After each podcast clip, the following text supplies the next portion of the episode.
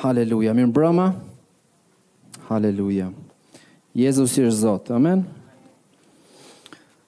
Sa mirë që jemi gjithë së bashku në kishë. T'ushqehemi në Zotin, ta adhurojmë Perëndinë, ta ngrejmë lart emrin e Jezusit. Fjalë të mrekullueshme. Faleminderit Ardiola, faleminderit Gjoni. Jezusi është Zot dhe Jezusi do të jetë Zot E besojnë apo nuk e besojnë ca njerëz, duan apo nuk duan ca njerëz, ai është Zot edhe do të jetë Zot. E dinë apo nuk e dinë ca njerëz, do ta zbulojnë shumë shpejt, po ai është Zot edhe do të jetë Zot. Amen.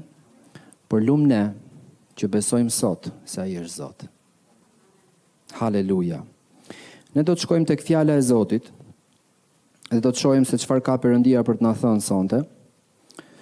Ëm në bisedat që bëj me shumë prej besimtarëve të rinj në kishë, me çunat zakonisht që dalim për kafe, marr një pyetje që më bëhet vazhdimisht. Edhe më thonë, "Toni, tani ne jemi besimtarë të rinj, Edhe dëgjojmë kur ju dilni aty ose pastori dhe flisni ose dëgjojmë dëshmi për të kaluarën apo për jetën e e besimtarëve të tjerë më përpara dëshmi jo të mira se si njerëz kanë qenë shumë të zjarrtë në besim dhe pastaj janë rrëzuar, kanë mohuar Zotin, kanë braktisur Zotin, kanë hequr dorë nga besimi dhe sot as nuk dihet se ku janë. Dhe pyetja që më bëhet është ëm um, tani ne përsa njohim veten të ndershëm e njohim. ne e duam Zotin dhe e duam sinqerisht. Po pyetja është, po, po ja kalojnë ca vite dhe mos na ndodh neve kështu. Na thoni mër vëlla ça të bëjmë?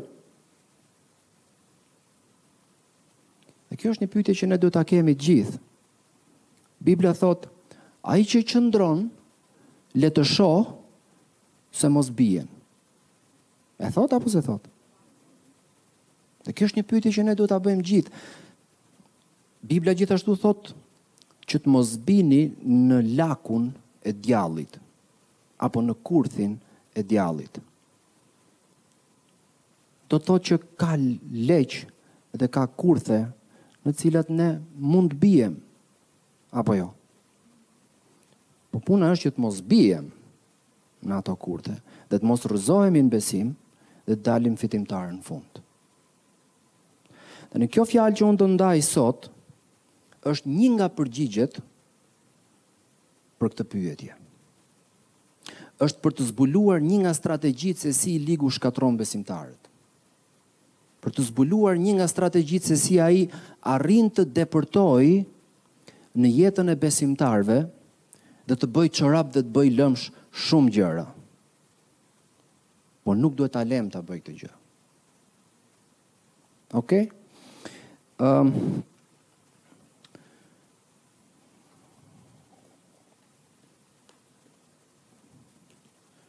Sa të bëj pak vënd për fletën e gjërë të shënimeve të mija. Dua që të shkojmë bashkë tek Mateu, kapitulli 4. Tek Mateu, kapitulli 4, është e regjistruar në fjalën e Zotit, ajo që ndodhi në shkretirë me Jezusin dhe djallin, dhe tundimi që i ligu i bëri Zotit tonë. A e dini që djalli e kishte seriozisht për ta rrëzuar Jezusin? Për ta kapur në mashtrim? Për ta tunduar që të binte në mëkat? A e dini që djalli nuk po bënte lojra? E dini që Bibla nuk gënjen dhe thotë Jezusi u tundua në të gjitha gjërat ashtu siç tundohemi dhe ne, do të thotë u tundua vërtet. Do të thotë Jezusit ato tundime që djalli i hodhi iu kthyen në dëshira që vërtet bënte ashtu. Hmm? Tundimi është dëshirë që ti do ta bësh. Por Bibla thotë që ne të keqen nuk duhet ta bëjmë. Dhe nëse djalli tundoi vetë Jezusin dhe u përpoq që ta ngatërronte, do ta bëjë edhe me ne dhe e bën çdo ditë. Puna është të mësojmë ne strategjinë që ndoqi Jezusi. Të mësojmë ne nga Zoti ynë se pse ai nuk u rrëzua. dhe të mësojmë ne të njëjtën metodë, të njëjtën shuplakë që Jezusi ia ktheu djallit syve, ta mësojmë edhe ne dhe përsëri kur djalli të vijë tek ne t'ia japim të njëjtën shuplakë prapë syve. Dhe dua t'ju them para se ta lexojmë këtë histori që Jezusi nuk e fitoi atë betejë sepse ishte Zot në frymë dhe ishte Bir i Perëndisë gjallë, Jezusi e fitoi sepse u mbështet në këto parime që do t'i lexojmë tani. Amen. Haleluja. Thamë Mateu 4 apo jo? Tek vargu 1. Atëherë Jezusi u çua prej frymës në shkretirë që djalli ta tundonte. Dhe mbasi agjëroi dyzet ditë e dyzet net në fund e mori uria. Atëherë tunduesi, pasi iu afrua, i tha, Në qoftë se je biri i Perëndisë, thuaj që këta gurë të bëhen bukë. Por ai duke iu përgjigjur tha, Është shkruar, njeriu nuk rron vetëm me bukë, por me çdo fjalë që del nga goja e Perëndisë. Atëherë djalli e çoi në qytetin e shenjtë dhe e vendosi në majë të tempullit. Dhe i tha, Nëse je biri i Perëndisë, hidhu poshtë, sepse është shkruar, Ai do t'u japë urdhër engjëjve të tij për ty dhe do të të mbajnë mbi duart e tyre që të mos ndeshësh me këmbën tënde ndonjë gur. Jezusi i tha, Është shkruar gjithashtu, Mos e tundo Zotin, Perëndinë tënd. Djalli e çoi sërish mbi një mal shumë të lartë dhe i tregoi të gjitha mbretëritë e botës dhe lavdinë e tyre. Dhe i tha, Të gjitha këto do të t'i jap nëse ti bie përmbys dhe më adhuron. Atëherë Jezusi i tha, Shporru, Satan, sepse është shkruar, Adhuro Zotin, Perëndinë tënd, dhe shërbeji vetëm Atij. Atëherë djalli e la, dhe ja, u afruan engjëjt dhe i shërbenin. Amen? Dua ta tërheq vëmendjen tuaj tek një nga këto vargje. Tek vargu shtatë, fjalët e Jezusit janë këto, Është shkruar gjithashtu. A mund ta themi gjithë bashkë? Është shkruar gjithashtu. Pse u përgjigj Jezusi me këto fjalë?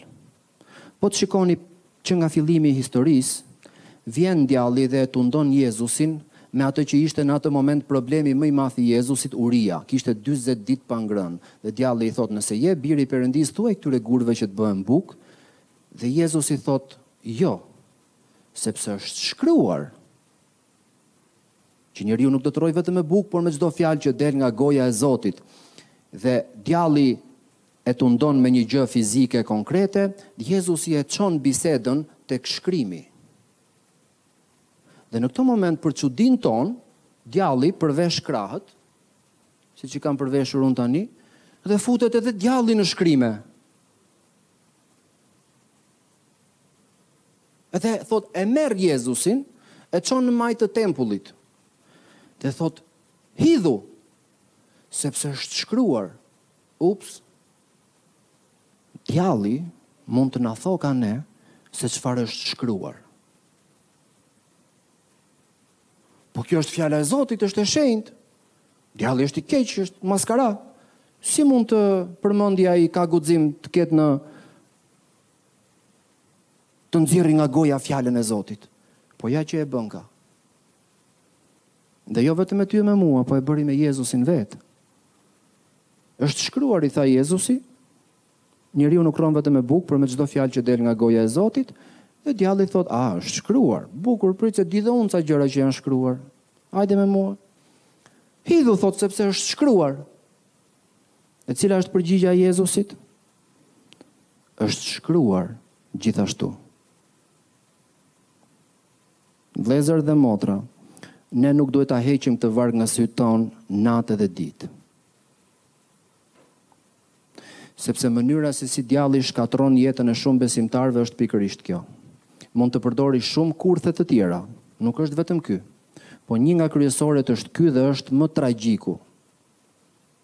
Dhe të dhëmb zemra kur shef besimtarë që bëhen lëmsh me fjalën e Zotit vetë. Sepse harrojnë që është shkruar gjithashtu.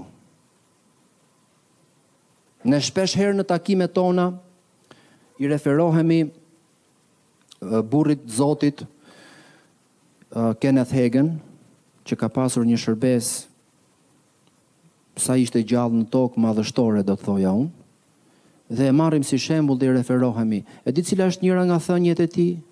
E thot, ca njerëz e din Biblën mjaftushëm sa për të qenë të rrezikshëm. Hmm. Ca njerëz e din Biblën mjaftushëm sa për të qenë të rrezikshëm, sa për të qenë vegla të djallit. Dinë një pjesë, por nuk dinë që është shkruar dhe kjo tjetra. Është shkruar kështu dhe kaq edhe o burra. Jo, jo, prit, prit, prit. Është shkruar kjo, po, po, është shkruar dhe kjo. Dhe ca njerëz dinë vetëm pak shkrimin. sa për të qenë të rrezikshëm. Të rrezikshëm për jetën e vet, të rrezikshëm për të tjerët, të rrezikshëm për kishën e Zotit. të rrezikshëm për për t'u bërë vegla të djallit. Por ajo që Jezusi na mëson në këtë historinë e tundimit në shkretirë është që ne t'i përgjigjemi djallit dhe t'i themi është shkruar gjithashtu. Është shkruar gjithashtu. Shikoni Jezusi e balancon shkrimin po me shkrimin. Do një përgjigje se ti si të mos dalësh nga balanca në ecjen tënde me Zotin? Balancoje Shkrimin me Shkrimin. Jepi përgjigje Shkrimit të Shenjtë me Shkrimin e Shenjtë.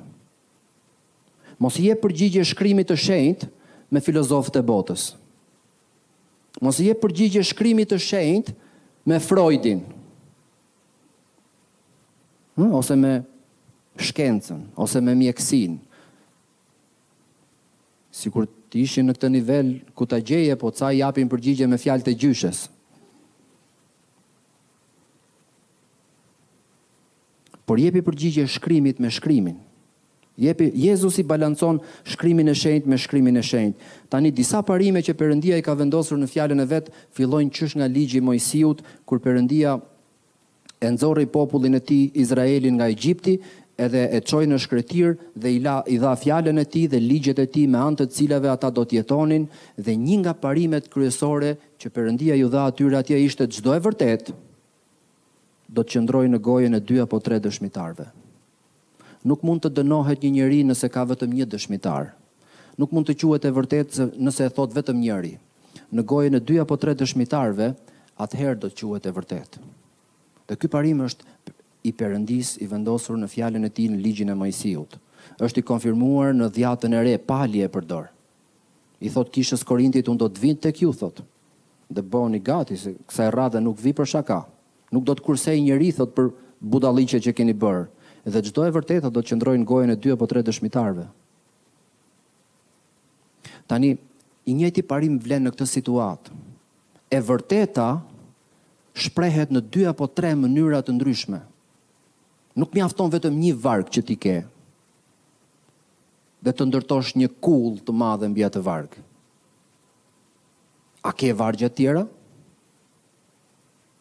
Ky është një parim shumë i rëndësishëm. Kush po mban shënime, shkruaje. Nuk mjafton vetëm një varg për të vendosur të vërtetën. Duhen gjetur vargje të tjera, që nëse i ligu ta përdor atë vargun për të të ngatërruar ty, ti t'i thuash prit, sepse është shkruar gjithashtu. Ok? Një parim tjetër është ky. Asnjë e vërtetë biblike nuk mund të vendoset në kurriz të vërtetave të tjera biblike. Unë e di është e vërtetë se e thotë fjala e Zotit. Dhe në qoftë se ti shkel të vërteta të tjera biblike, nuk është fjala e Zotit. Po e keqpërdor, po e keqinterpreton atë varg. Nuk është ashtu. Mund të duket ty, po nuk është ashtu. Duhen dy apo tre vargje. Minimumi për të vërtetën. Okej?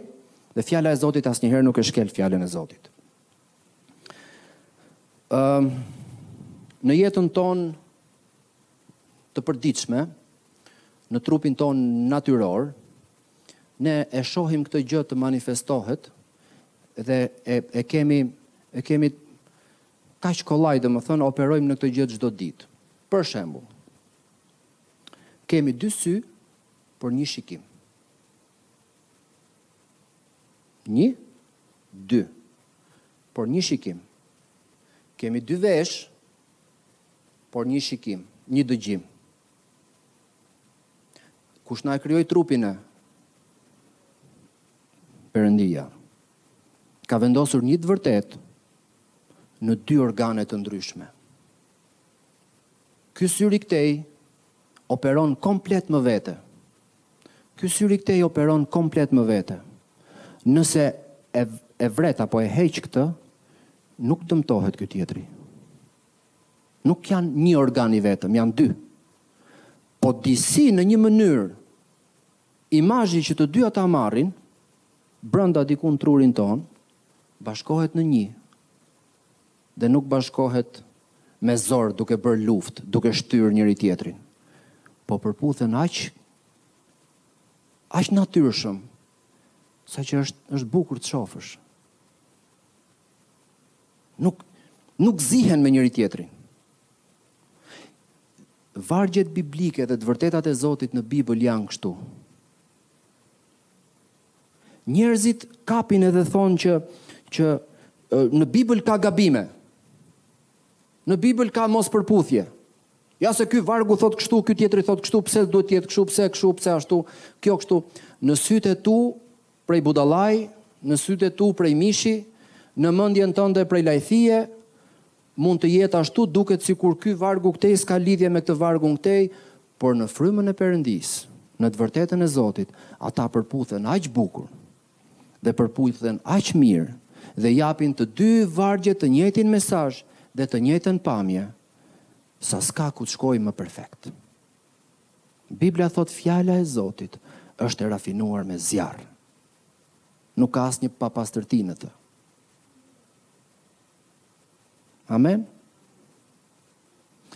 Bibla duhet të jetë kështu për ne, si shikimi me sy. Po që të jetë kështu duhet duhet të zbatojmë këtë parimin e Jezusit. Është shkruar gjithashtu. Dhe a e dimë ne se çfarë është shkruar gjithashtu?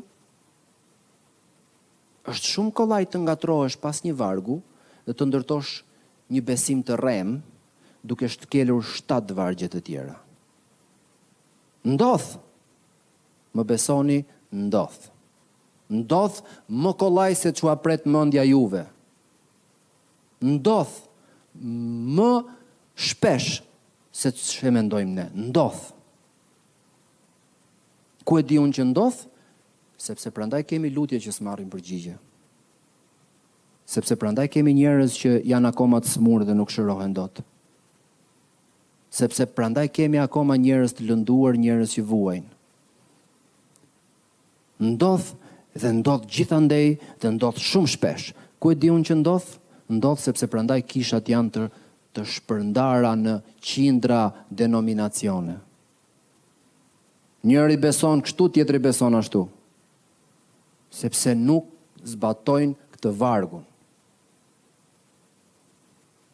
Perëndi, na jep hirin. që t'i mësojmë të krishterëve këtë gjë, që është shkruar gjithashtu. Njëri thot Zoti shëron, tjetri thot Zoti nuk shëron. Tjetri thot Zoti bën mrekulli, ca thon ka pas bër, po s'bën më. E ça s'dëgjon nëpër kisha. Njëri kap një varg edhe nuk e lëshon gjallë në botë, tjetri kap këtë vargun tjetër, edhe marrin vargjet biblike dhe ia fusin kokës të dy. Bjer e fut bam e bam. E zihen kisha me kisha. Nuk po tallem. Në Irlandën e Veriut është derdhur gjak nëpër rrugët e qyteteve, sepse bënin luftë katolikët dhe protestantët. Është e tmerrshme. E tmerrshme. Sepse kap një të vërtetë biblike dhe thua kjo është. Po prit mor vëlla se është shkruar gjithashtu. Është duket një mësim si për kalamaj, është kaq e thjeshtë, po kaq shkatërruese. Kaq shkatërruese për kishën dhe për jetën e besimtarëve. Gjoni tha që ne jemi në luftë. E di, duhet t'ju tregoj një gjë që mos kini frikë nga i ligu se do vijë ta shkatërrojë jetën tuaj me bomba.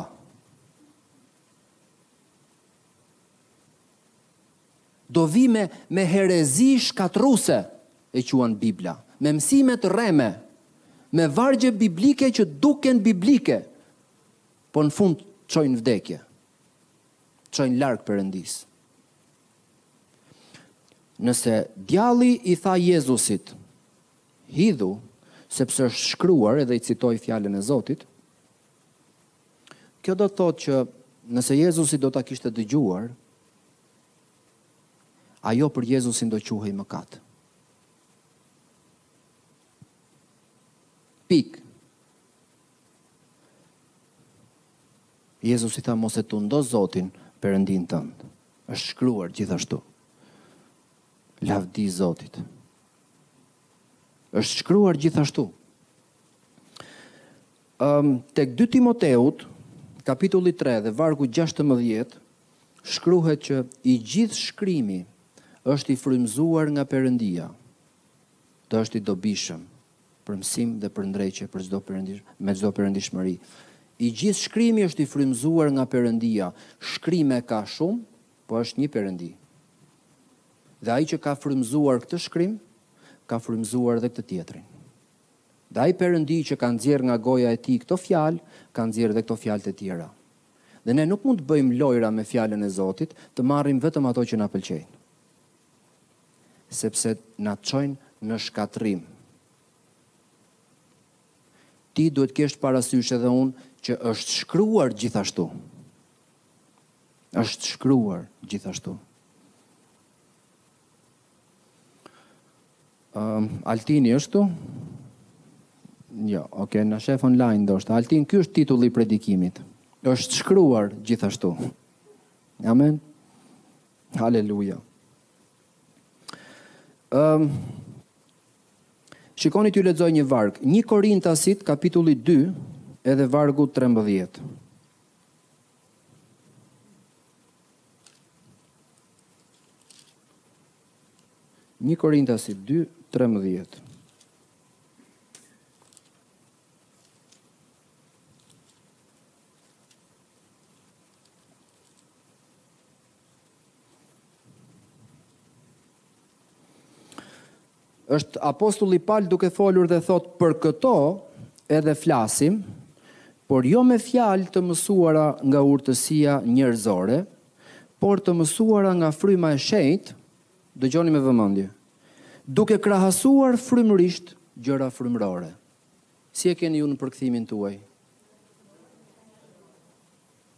Okej.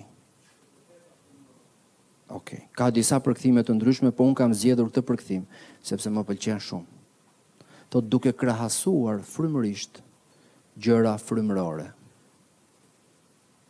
Lavdi Zot, ej, e di çfarë çelësi është ky për të dhënë dritë në fjalën e Zotit?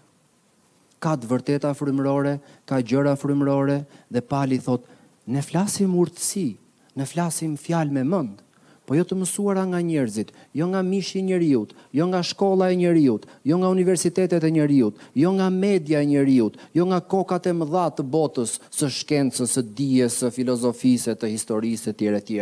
Jo nga këto, thotë, po të mësuara nga Fryma e Shenjtë dhe ne, thotë, gjërat frymërore.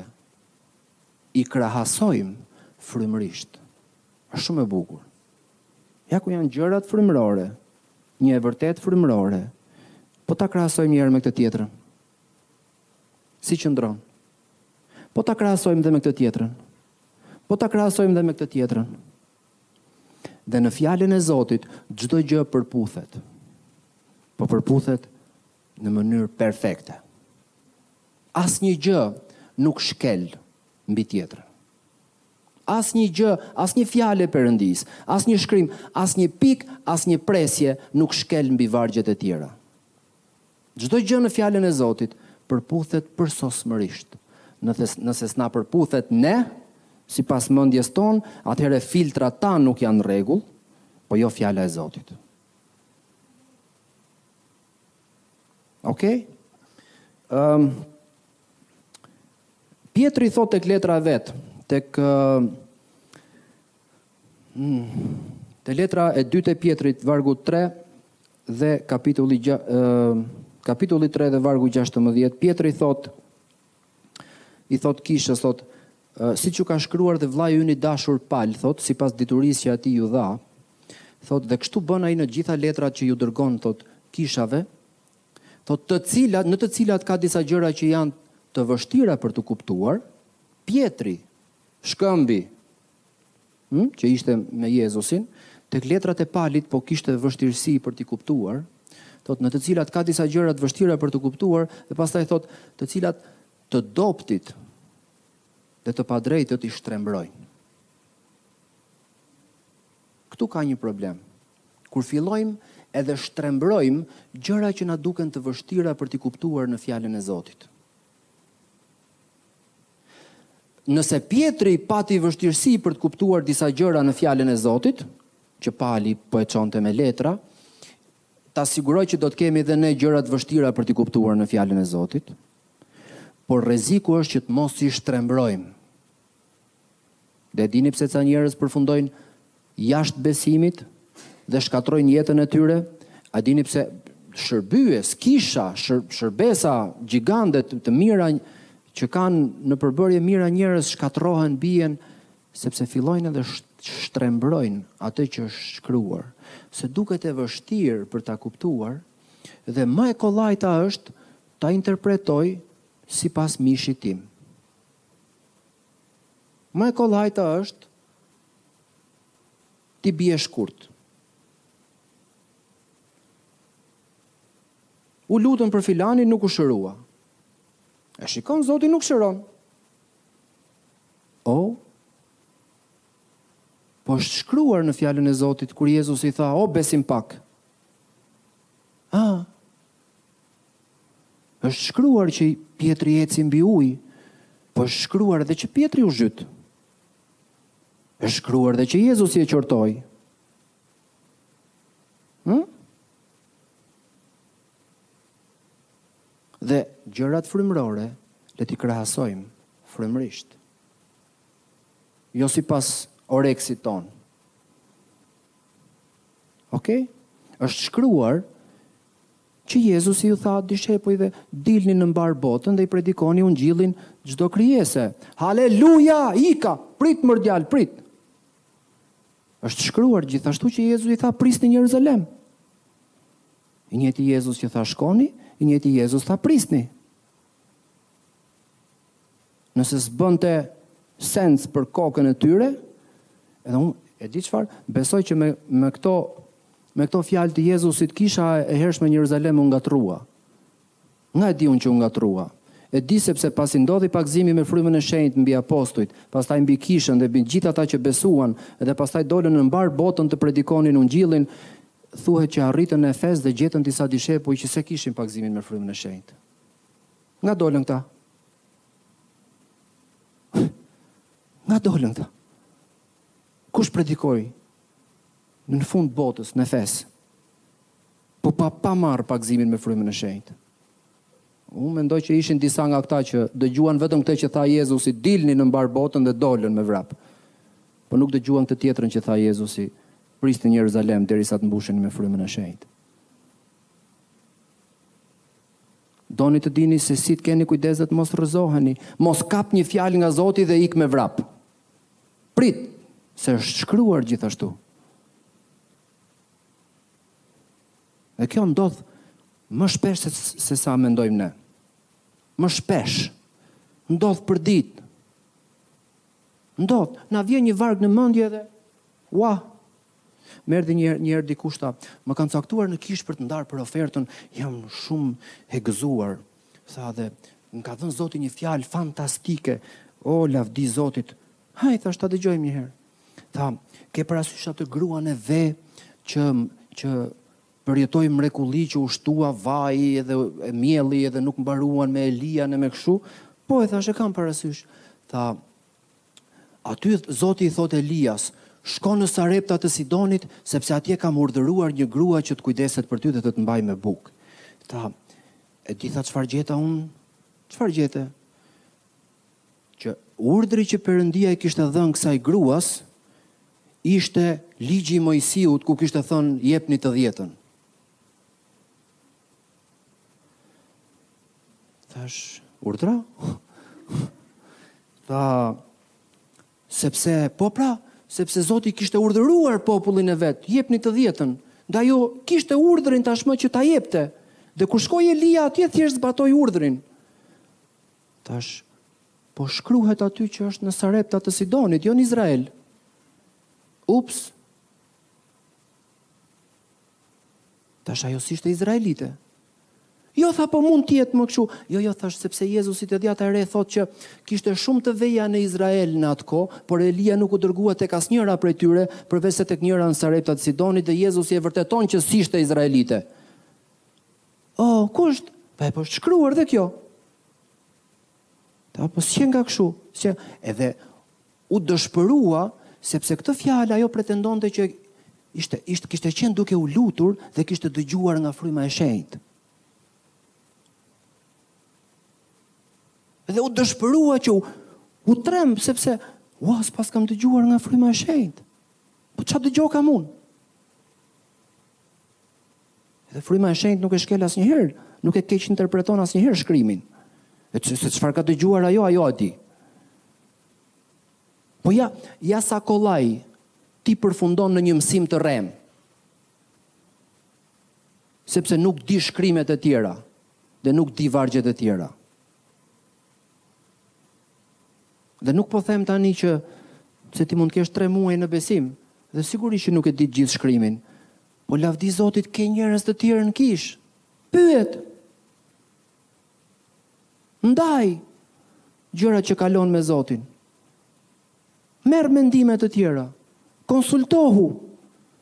Ke pastor, ke vëllezër, ke motra. Amen. Është shumë kollaj të biesh në kurthin e të ligut që të mos kesh parasysh se çfarë është shkruar në pjesë të tjera të shkrimit, po të kapësh vetëm një shkrim e t'i bësh gropën vetes me atë shkrim.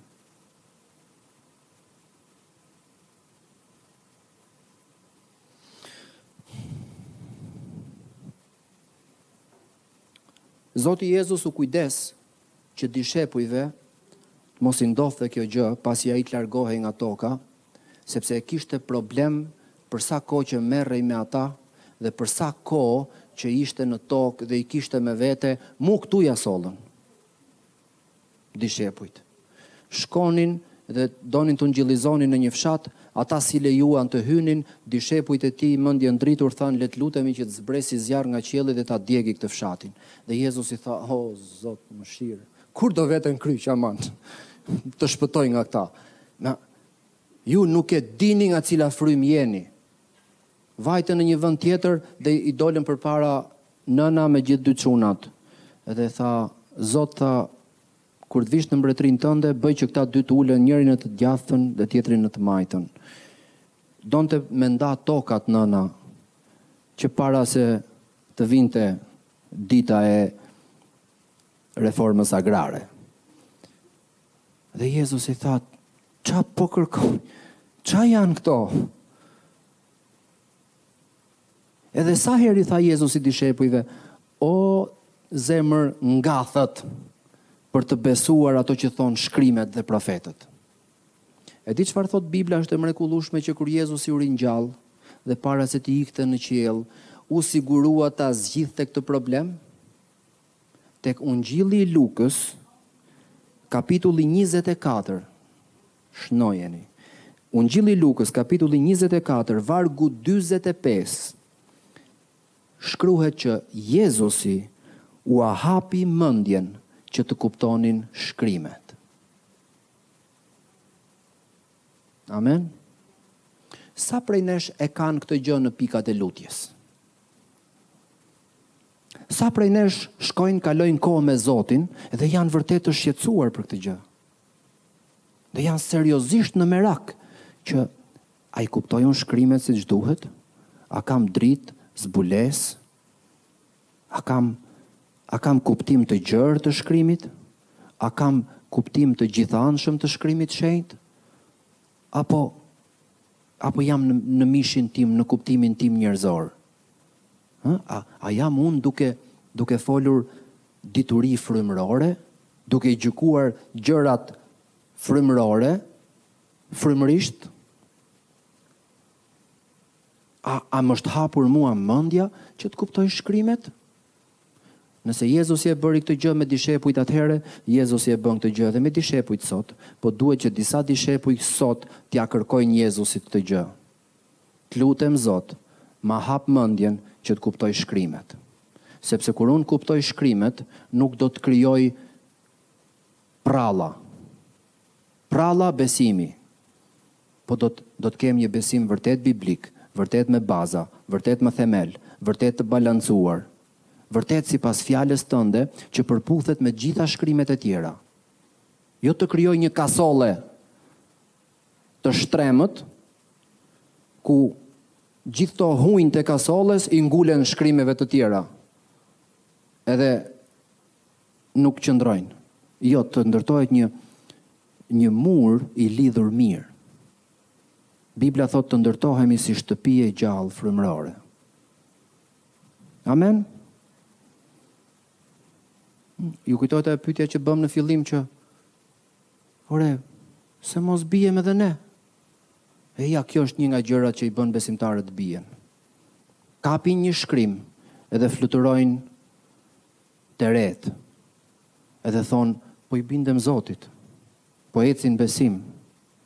Dhe kanë shkelur shtatëmbëdhjetë mijë shkrime të tjera. Nuk bën kështu.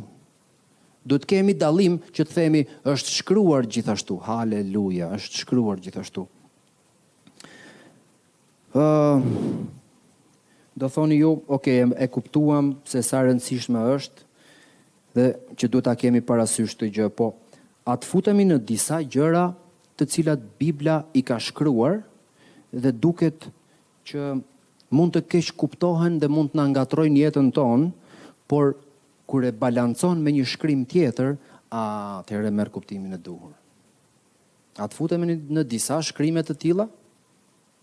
Hm, se mund të na bëjë mirë. Nuk po them se janë vetëm këto, mund të ketë shumë shkrime, po duke shpjeguar ca të paktën, mund të marrim një mësim se si të gjykojmë edhe shkrime tjera më vonë. Okej? Tek Ligji i Përtërirë, kapitulli gjashtë dhe vargu katër shkruhet, po e marrim nga këto më më të zakonshmet që ne i të vërtetat më të zakonshme që ne i, i shpallim në kishë. Ligji i Përtërirë kapitulli 6 dhe vargu 4 thuhet dëgjo Izrael, Zoti Perëndia yt është një i vetëm. Amen. Por është shkruar gjithashtu që Perëndia është tre persona. Ati, Biri dhe Fryma e Shenjtë. Shkoni pra në mbarë botën, predikoni ungjillin dhe i pagëzo, bëni dishepuj dhe i pagëzoni në emrin e Atit, Birit dhe të Frymës së Shenjtë. Dhe është shkruar gjithashtu që Ati dhe Biri janë një. Dhe është shkruar gjithashtu që Biri ishte pranë Atit përpara se bota të krijohej. Hm? Është shkruar gjithashtu që biri, ai ishte fjala dhe fjala ishte pranë Perëndisë dhe fjala ishte Perëndi. Është shkruar, dëgjo Izrael. Perën Zoti, Perëndia yt, është një i vetëm. Por është shkruar gjithashtu që është Perëndia është tre. Ups. Hajde të flasim tani me me besime të tjera fetare, se si ngatërrohen në këtë gjë. Tani kush është e vërteta? Të dyja janë të vërteta, sepse njërja pjesë nuk e shkel pjesën tjetër. Vargu që thotë Zoti Perëndia yt është një i vetëm, nuk e shkel këto vargje të tjera që thotë është Ati, Biri dhe Fryma e Shenjtë. Tani mënyra se si përputhen, mënyra se si kombinohen, ndërthuren dhe dhe frymërisht se si qëndron e vërteta që këta tre persona janë gjithashtu edhe një është too much për lajthinë tonë. Dhe nuk e kuptojmë dot. Por ashtu ndoshta siç shikimi ynë, kemi dy sy, por kemi një shikim, në mënyrë kaq bukur dhe kaq spektakolare shkrihet në një të vetëm? Ndoshta në të njëjtën mënyrë. Janë tre, por është një. Amen. Po e dini që doktrinat rreme janë ndërtuar mbi këtë bazë? E dini që rizgjime të mëdha në në botë kanë nisur dhe fryma e Perëndisë po lëvizte dhe po shpëtoheshin miliona njerëz dhe dikush u ngrit edhe tha prit një sekond tha unë nuk besoj se duhet t'i pagëzojmë besimtarët me me tre kështu në emër të Atit, Birit dhe të Frymës së Shenjtë. Jo tha do t'i pagëzojmë vetëm në emër të Atit. Se vetëm Ati është Perëndia dhe gjeti ca shkrime ai. Dhe këta tjerët thonin, po Bibla thotë kështu, ai thoshte po dhe Bibla thotë kështu, dhe duke u marrë, duke u zënë me këto budalliqe, ndaloi rizgjimi. U përça shërbesa dhe nuk vazhdoi më. Dhe humbi dhe pas pak vitesh as ekzistonte më si kishë, as ekzistonte më si shërbesë. Pali thotë do të vijnë vjedhurazi dhe do të fusin herezi shkatërruese në mesin tuaj. Dhe ti thua, një gjë kaq e vogël? Të shkatërrojë gjithë atë shërbesë të madhe të fuqishme? Po, po, një gjë kaq e vogël, ja, sepse nuk këtë që lexuam tani. Që është një perëndi, po janë dhe tre.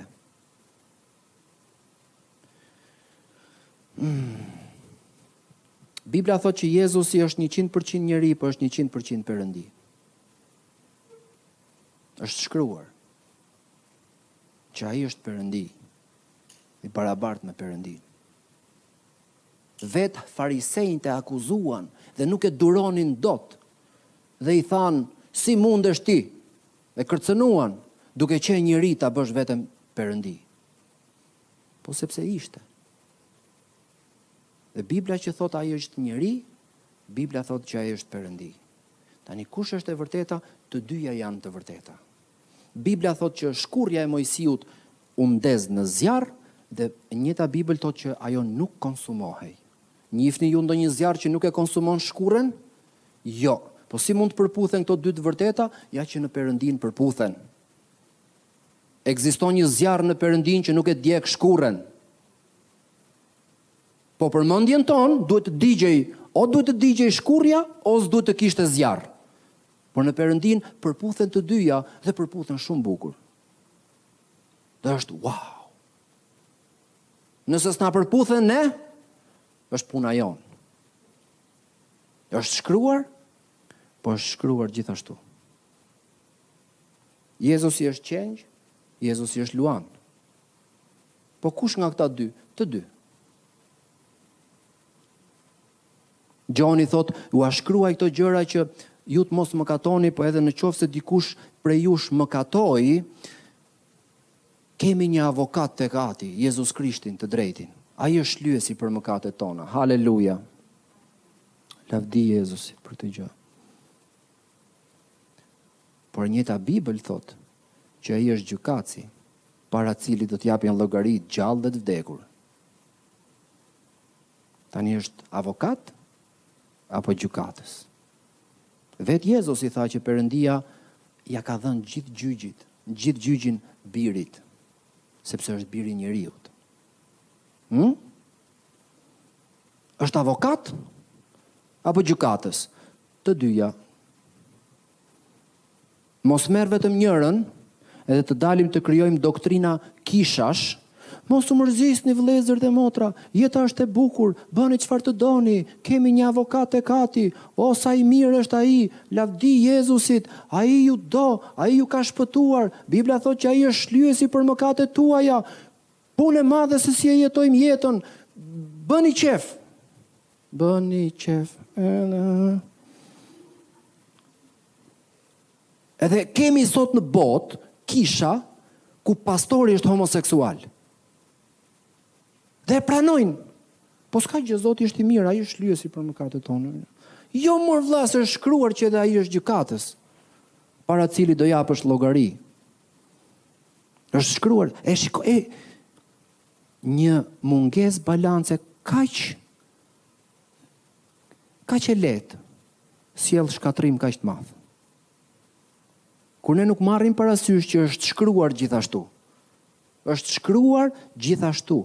Çfarë është shkruar gjithashtu? Po është lavdi Zotit për avokatin, lavdi Zotit për qengjin që heq mëkatet tona. Kujdes sepse është edhe luan. Është edhe luan. Kur ja do puna është qengj, kur ja do puna është luan. Se si përputhen këto dyja frymërisht dhe ça forme ka Jezusi në qiell? Se ku i duket qengji dhe ku i duket luani, unë nuk e di. Këto janë të vërteta frymërore që nuk na janë dhënë tani për t'i kuptuar dhe për t'i pasur në ekranin e celularit tonë. Por Bibla e thotë, shkurrja ishte në flakë, po nuk digjej. Ishte. Frymërisht mund të ndodhi. Ai është qengj dhe është luan. Amen? Po mos merr vetëm njërën. Nga ana tjetër kemi ca kisha që marrin vetëm luanin, o Zoti i madh. Kur hyn te dera e kishës, ke hyrë në gojë të luanit. Se Zoti është i zemruar me ty, se perënd se ti je i poshtër, je maskara, ti s'e meriton fare. A ç'do të bëjmë ne ty, ç'do të bëjmë ne ty, se ti jeton kështu e jeton ashtu e ti bën këtë, ti bën atë. Edhe vetëm gjykim, vetëm shi, breshër, bubullima, Perëndia me çekiç në dorë, me atë pelerinën e zezë të gjykatësit, o Zoti i madh. Sepse nuk marrin parasysh që është shkruar gjithashtu. Okej? Është shkruar tek Mateu kapitulli 19 dhe vargu 26, edhe tek Luka kapitulli 1 vargu 37, është shkruar asgjë nuk është e pamundur për Perëndinë.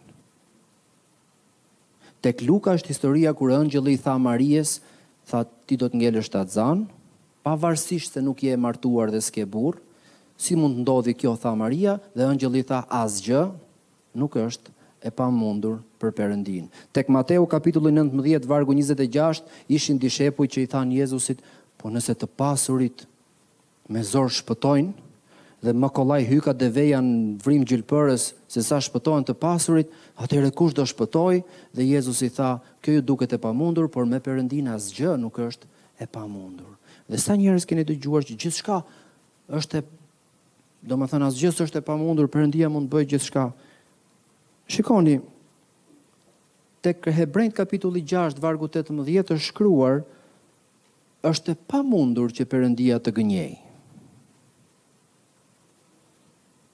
Umm. Është shkruar që asgjë s'është e pamundur për Perëndinë, por është shkruar gjithashtu që Perëndia nuk mund të gënjejë. E di çfarë është shkruar tjetër? Që Perëndia nuk mund të mohojë vetveten. Sepse ai është, emri i tij është unë jam. Amen?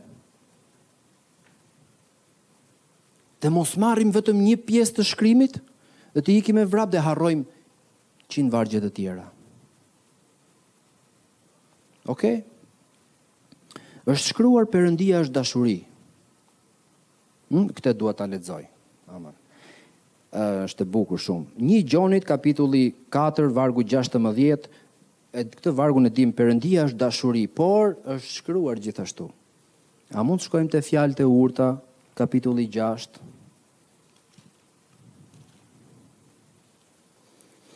Hmm.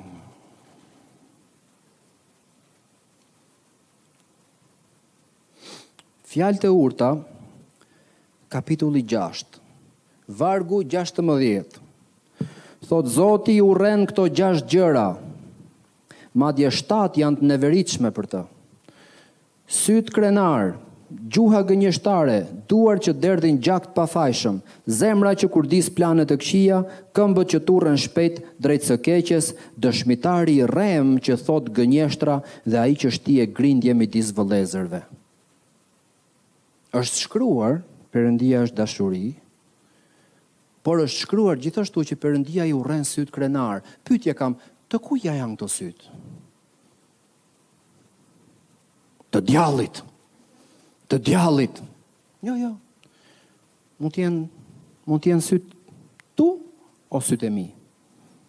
Mund të jenë sytë tanë. Ëh? Dhe po të po të shohësh këtu, e merr me gjymtyrë, e merr me këmbë, me duar, me zemër. Dhe aty nga vargu nga vargu i fundit thotë ai, ai, ai vëllezër dhe motra është njeri. Nuk është, hajt mo, sytë janë sy. Mirë, nuk e urren atë, i urren sytë. Ok, në rregull. Nuk e, nuk e urren personin, po duart, se i ka derdh gjak me duart e tij. Ça thotë më gjuhën gënjeshtare, mi mi e ka me gjuhën, jo personin. Po aty nga, nga fundi thotë, dëshmitarin e rremë. Dhe ai që shtie grindje midis vëllezërve. Është shkruar, Perëndia është dashuri, por është shkruar që ai i urren njerëz të tillë. Wow. Kush është e vërteta? Se duhet të jetë o kjo, o kjo. Jo, të dyja janë. Është shkruar gjithashtu. Është shkruar gjithashtu. Dhe këto shkrime janë për të ditur se çfarë të bësh dhe si të gjykosh situatat me njerëzit. Të mos e marrësh një person ta përplasësh mas murit sepse është krenar. Ë? Dhe ta hedhim te makina e plehrave që ngre kazanin edhe e merr dhe rrotullon e ta hedhi te plehrat e sharrës. Jo vlla, na duhet, na duhet se Perëndia e do. Se është shkruar që Perëndia është dashuri. Po si ja duroj dot krenarin. As Zoti. E urren. Por nuk mund të shkelim këtë vargun, sepse është ky vargu. Sepse janë të dy vargjet. Do të thotë që nga ana tjetër nuk mund ta marrim këtë zotërinë ose këtë zonjushën edhe të japim fletë lavdërimi përpara kishës. Do ta qortojmë. Sepse është për t'u qortuar, do ta ndreqim. Për veshi do ta kapim. Amen? Sepse është shkruar gjithashtu. Nuk mund të marrësh njërën pjesë e të lesh pjesën tjetër. Perëndia e urren sy to gjashtë gjëra madje shtatë janë të neveritshme për të. Oh my god. Sytë krenarë. E di, si mund t'i dalloni sytë krenar? Kur doni me, kur doni me ja pa sytë dikujt edhe s'ju le, i shikoni vetëm hundën. Ato janë sy krenar. Ja, dale më të shikoj pak. Hunda, përpjet. Nuk, nuk e shikon dot në sy se s'le hunda. Ato janë sy krenar. Dhe të gjithë thonë, të gjithë të thonë, që kjo gjë nuk zgjidhet me operacion plastik. Ah. Perëndia është dashuri, ho Zot sa i mrekullueshëm. Amen, amen, okay. Prit, se do zbulosh dhe vargje tjera rrugës. Duhet t'i, do t'i përqafosh dhe këto vargje tjera. Amen? Aah është një pjesë tani që më kjo kjo më pëlqen shumë sepse e shof vazhdimisht që të keqinterpretohet nga nga besimtarët nëpër kisha. Te Veprat e Apostujve kapitulli gjashtëmbëdhjetë dhe vargu tridhjetë e një është shkruar, të gjithë le të themi, është shkruar. Beso në Zotin Jezus dhe do të shpëtohesh ti dhe familja jote. Amen. Haleluja! Edhe ti dëgjon besimtarë që dalin me guxim edhe thonë, Zoti më ka premtuar mua familjen time, xhaxhain tim, gjithë farefisin tim, ky është premtim nga Zoti dhe nuk mund të bjeri poshtë, atë që Zoti thotë do të realizohet, beson Zotin Jezus dhe do të shpëtohesh ti dhe familja jote. Okej, por është shkruar gjithashtu, Armiqtë e njeriut do të jenë ata të shtëpisë së vet. Ups. Jezusi tha, nuk erdha të hedh paqe mbi tokë, po erdha të hedh përçarje. Edhe erdha të hedh një shpatë, tha dhe, dhe një zjarr dhe sa do doja tani që kjo të ishte ndezur. Sepse tani e tutje, tha, dy veta në një shtëpi do jenë të ndarë njëri kundër tjetrit. Sepse njëri beson tek mua dhe ky tjetri do ta urrejë.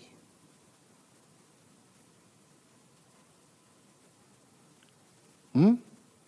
Po mirë, le ta mund ta zbusim që ëm um, Perëndia Jezusi po thotë që përkohësisht se ai premtimi tjetër do do përmbushet që Unë do të besoj në Zotin Jezus dhe gjithë familja ime do shpëtohet. Um, Okej, okay. Po është një varg tjetër, te një Korintasit kapitulli 7 dhe vargu 16, dhe thotë ku e di ti o burrë në do ta shpëtosh gruan tënde dhe ku e di ti o grua në do ta shpëtosh burrin tënd. Ups.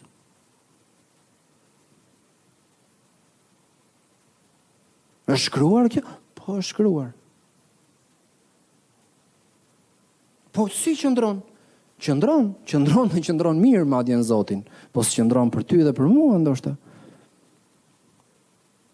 Po unë kam besuar gjithë këto vite me me gjithë shpirt, me gjithë zemër se unë kam besuar dhe për shkak se unë kam besuar, Zoti më ka premtuar edhe këta të tjerët. Kush ta tha? Po këto vargje të tjera. Ndoshta s'na vjen mirë në këtë pikë. Besimi tek Zoti Jezus është personal. Nuk mund të besojë një person për një tjetër. Bibla thotë kushdo, nuk thotë ata që duan.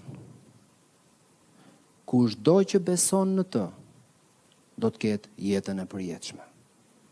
Kushdo është njëjës, cilido që beson në të do të ketë jetën e përjetshme. Atëherë si qëndron kjo puna e e, e familjeve tona? Shiko, konteksti aty te kjo, ky vargu që thotë beso në Zotin Jezus do të shpëtohesh ti dhe familja jote. Në radhë të parë, Pali po i thoshte një kryefamiljari. Ishte burrë i shpisë ai. Je ti burrë i shpisë? Disa edhe mund të jenë, disa jo. Nëse s'je, nuk është çdo gjë në dorën tënde, nuk mund të japësh urdhra në familjen tënde. Okej? Por gjithashtu nuk nënkupton që Pali po i thoshte beso vetëm ti, s'ka problem këta tjerët. Nënkuptonte që, Beso ti, besojnë dhe ata, dhe të gjithë do të shpëtohen. Nuk anullohet besimi personal, sepse është shkruar në këtë mënyrë kjo fjalë këtu, sepse nuk mund t'i hedhim poshtë dhjetëra vargje të tjera biblike. Është shkruar, beso në Zotin Jezus do të shpëtohesh ti dhe familja jote, është shkruar ku e di ti o burrë në do ta shpëtosh gruan, dhe ku e di ti o grua në do ta shpëtosh burrin. Troç, është midis shpirtit tënd edhe Perëndisë. Tani unë e di që burri dhe gruaja i thonë shpirti zemra njëri-tjetrit, por Perëndia nuk e merr në konsideratë këtë. Është midis teje dhe Perëndisë. Beso ti, hip në qiell po deshe, nëse ai tjetri s'do, nuk do. Jo po është familje me mua. Le të jetë. Do të përmbushet ai vargu tjetër që thotë armiqtë e njeriu do të jenë ata të shpisë vet. Po në çfarë mësimi na çon kjo? Sepse nuk po i themi këto gjëra kot në ajër por këto këto të vërteta duhet t'i përdorim në lutjet tona, në mënyrën se si besojmë, të mos ia fusim kot dhe të mos jemi në besim të verbër, të mos jemi në idiotësi. Sepse njerëzit duke mos marrë parasysh që janë shkruar ca gjëra, bëjnë ca gjëra tjera që oh my god. E, si historia e atyre dy vajzave dhe asaj gruas në Kombinat, që e mori vesh gjithë Shqipëria dhe u bë skandal për për ungjillin e Krishtit. Shiko çfarë gjëra të çmendura bëjnë këta të krishterët, këta që besojnë. Dhe unë besoj që të gjithë kemi përjetuar, domethënë që duke lexuar titrat atje në televizor, duke parë lajmin atje në televizor, gjithë kolegët e mi i kthejnë sytë nga unë. Kështu bëni ju? Jo mër vlla, nuk bëjmë ashtu po. Po këto zonjat këtu kanë marrë tre vargje biblike dhe nuk kanë marrë parasysh që janë shkruar dhe ca tjera. Janë shkruar më dhe ca tjera. Është tragjike se si shkatërrohen ca njerëz për një gjë kaq të thjeshtë. Nuk marrin parasysh se çfarë është shkruar tjetër përveç asaj që ata besojnë. Dhe i është mbushur mendja top që unë këtë do besoj dhe kështu është. Po prit mor vlla se është shkru dhe kjo tjetra. E ky mësimi për familjet tona. Shiko, ti nuk mund të bësh lutjen e besimit për një njeri tjetër. Ti nuk mund të bësh lutjen e besimit për një njeri tjetër. E keni vënë re kudo që Jezusi urdhëroi, urdhëroi, urdhëroi që të ndodhte një mrekulli për shkak të fjalëve të tij, ishte o fik, o stuhi, o smundje, o demon, o peshk. ose peshq, ku e di unë. Nuk kishte njeri. Ti nuk mund t'i thuash një familjari tënd në emër të Jezusit, bëhu besimtar. No! Ja ke fut kot. Ti nuk mund bësh lutjen e besimit për njerëzit e tjerë. Ti nuk mund të shpëtosh në këtë mënyrë familjarët e tu, burrin tënd a gruan tënde a fëmijët a fëmijët prindërit a kush do që të jetë ti nuk mund bësh lutjen e besimit ose këtë formën tjetër unë e kam shpallur tashmë dhe Bibla thotë atë që thua me gojën tënde nëse nuk ke dyshime në zemrën tënde që do të ndodhi atëherë ajo do të ndodhi nuk mund ta bësh këtë për një njeri Sepse ai ka vullnet të lirë. Atëherë çfarë lutje bëjmë ne për njerëzit? Bëjmë lutje ndërmjetësimi dhe lutje përgjërimi. Por në lutjen e ndërmjetësimit dhe në lutjen e përgjërimit, ti nuk mund të dalësh garant dhe të thuash se për shkak se unë e urdhërova, kështu do të bëhet. Ua, po çfarë problemi ka kjo? Shiko, është Janë shumë hileqare metoda të tilla besimi që duken si besim, po s'janë sepse nuk i nuk i përputhen vargjeve biblike. Ë uh, Për shembull, ti po beson që dikush në familjen tënde të shpëtohet, Dhe ti po ushtron të njëjtin besim sikur për një sëmundje në trupin tënd. Po nuk mund ta bësh këtë gjë. Ti mund ta marrësh atë njeri dhe ta dorëzosh tek Perëndia me lutjet e tua, dhe duke dorëzuar tek Perëndia ti mund të mbash qiellin hapur mbi mbi atë njeri dhe ti mund t'i thuash perëndisë zot zbutja zemrën perëndi preke jetën e tij perëndi dërgo fjalë tek ai përmes njerëzve të tjerë përmes njerëzve të huaj nxirri njerëz në rrugë që ta ungjillizojnë nxirri njerëz që ta çudisin foli perëndi në të gjitha mënyrat perëndi ki kujdes zemrën e tij mbroje nga njerëzit e ligj mbroje nga nga mendimet e rreme mbroje nga i ligu dhe ti mund të lutesh pa pushim E pa pushim për një njeri që e do, për një njeri që është familjari yt, për një njeri që është i rëndësishëm për ty. Po shiko ku futet hilja këtu. Ndërkohë ti je besimtar, ai s'është. Dhe nuk shkon që ai të të kontrollojë jetën ty.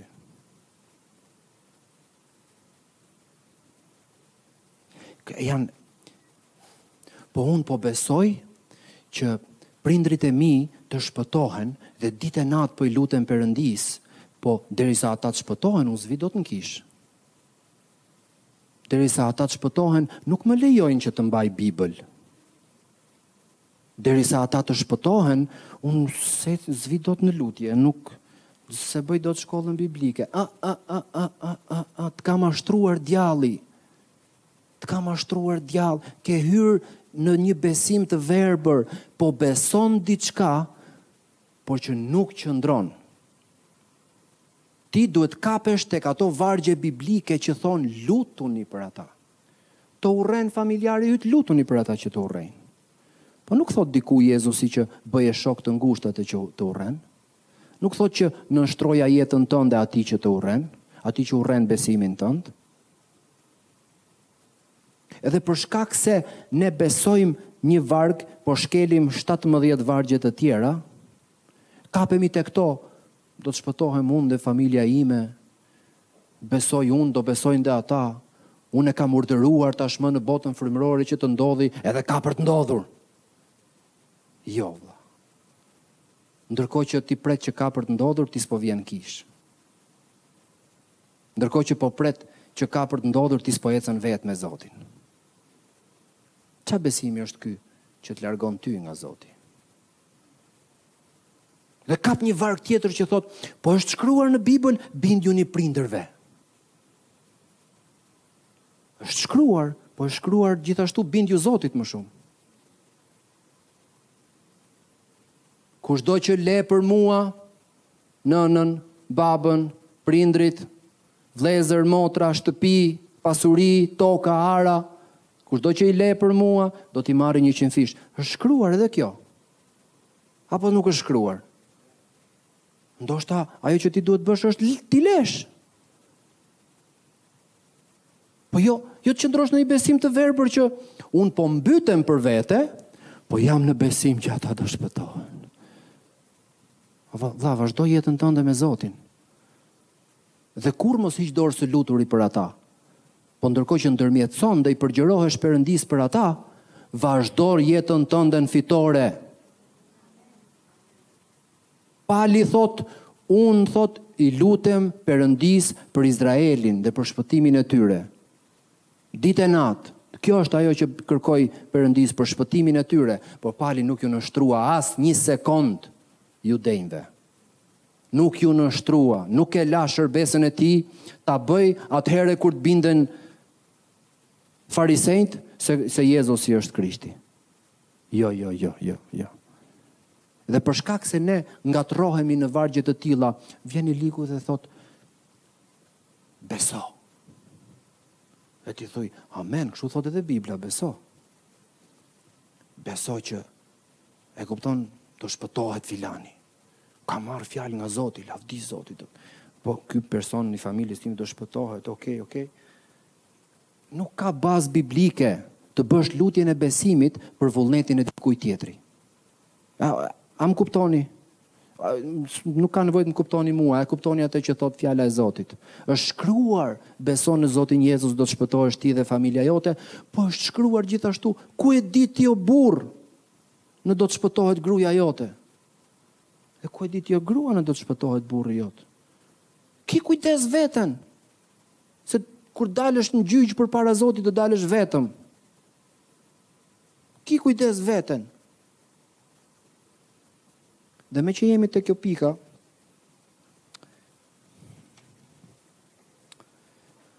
uh, që po përmendim familjen, burrin, gruan, Shikoni, ca njerëz nuk kuptojnë një gjë tjetër të rëndësishme në Bibël. Është shkruar Perëndia e urren divorcin. Amen. Është shkruar që Perëndia e urren divorcin. Jezusi tha atë që Perëndia ka bashkuar njeriu mos ta ndajë. Amen. Është shkruar kjo gjë. Biem dakord gjithë që është shkruar kjo gjë.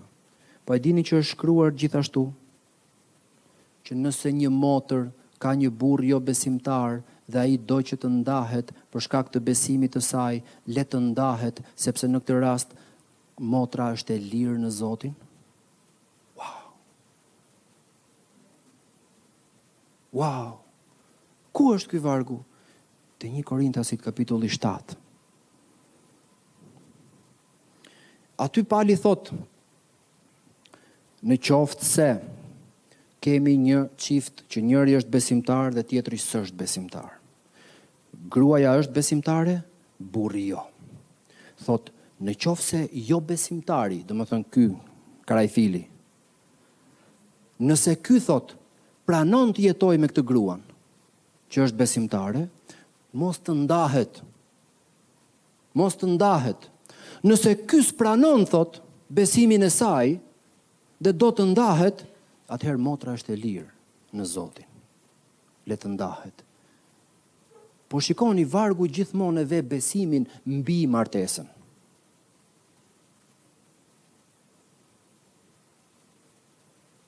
Kur vjen puna o martesën o besimin, vargu është duke të thënë besimin. Oh, po Perëndia urren divorcin. Po unë kam besuar, do besoj edhe karafili im. Vazhdo, vla. Beso, ec. E Perëndi, e var, e, e keni në Bibël, një Korintasit, kapitulli 7, vargu 12 deri në 15. Lexojeni. E di pse nuk i dimë ne këto gjëra? Ja them unë pse nuk i dimë ne këto gjëra, se gjithçka që ne duam të besojmë për punën tonë, për martesën tonë, për financat tona, për familjen tonë, për kishën tonë, për shërbesën tonë, për dhuntitë e frymës, për vajosjen e Zotit, e gjitha këto që duam të dimë, ne gjejmë vargje besimi te Isaia. Është kollaj gjesh vargje besimi te Isaia. Po i besoj Zotit për punë. Amen. Edhe kam marrë një varg nga Zoti. Ha, ça thot? Te Isaia thot, unë jam me ty, thot Zoti. Oh. oh. Na çudite. Gjej mor vlla vargje biblike ku ka fjalën punë. P U N E. Punë. Ka vargje biblike në Bibël që thot shko te milingona o përtac. Dhe shiko se si punon milingona. Po s'punove dhe ti ashtu do ngelësh pa bukë. O, oh, po se qeka dhe ky vargu, po është edhe ky vargu. Mos rri vetëm te Isaia, te Jeremia, te këto profecitë e mëdhaja. Haleluja, Zoti është me ty. Mos u tremb, mos u frikso. Fjalë nga Zoti. Ça domethënë kjo? Po i beson Zotit, për ça po i beson? Ku janë vargjet biblike për atë që po i beson? Në është për punë, ka vargje biblike që e kanë fjalën punë brenda. Familje ka vargje biblike që e kanë fjalën familje brenda. Shtëpia jote, ata të tut. Ka vargje biblike që e kanë fjalën burri, gruaja, martesa. Ka vargje biblike që e kanë fjalën paraja brenda. Gjej mor vlla, gjej dhe besoji Zotit. Me vargje që e kanë këto fjalë. Mos shko te un jam me ty o Jeshurun, mos u tremb, mos u frikso, mos u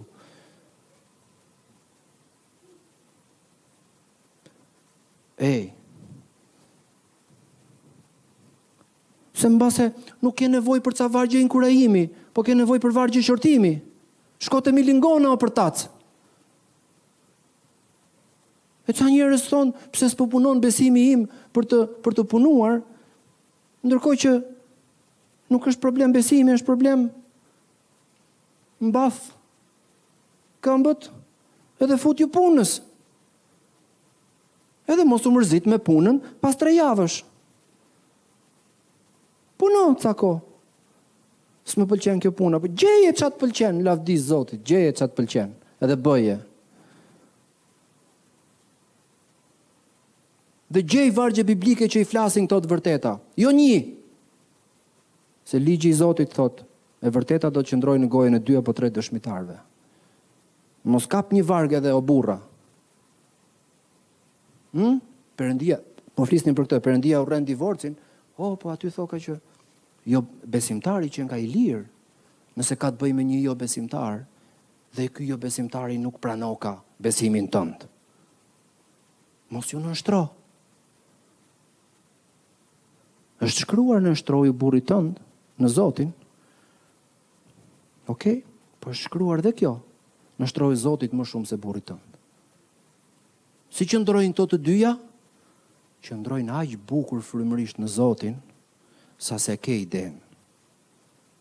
Dhe njerëzit kanë pyetje të tilla të çuditshme që është një një është një familje në kishën tonë e zhdëp në dru ai ditë e natë që thotë pse beson edhe mos shko në kishë. Dhe ajo nuk do ta lërë burrin se është grua e perëndishme. Ik moj motër, denoncoje në polici, fute në burg. Po unë po besoj për shpëtimin e tij. Dhe ndërkohë po ha dru, ndërkohë po të të kontrollohet jeta, besimi, thirja që Zoti ka për ty, liria që Zoti ka për ty.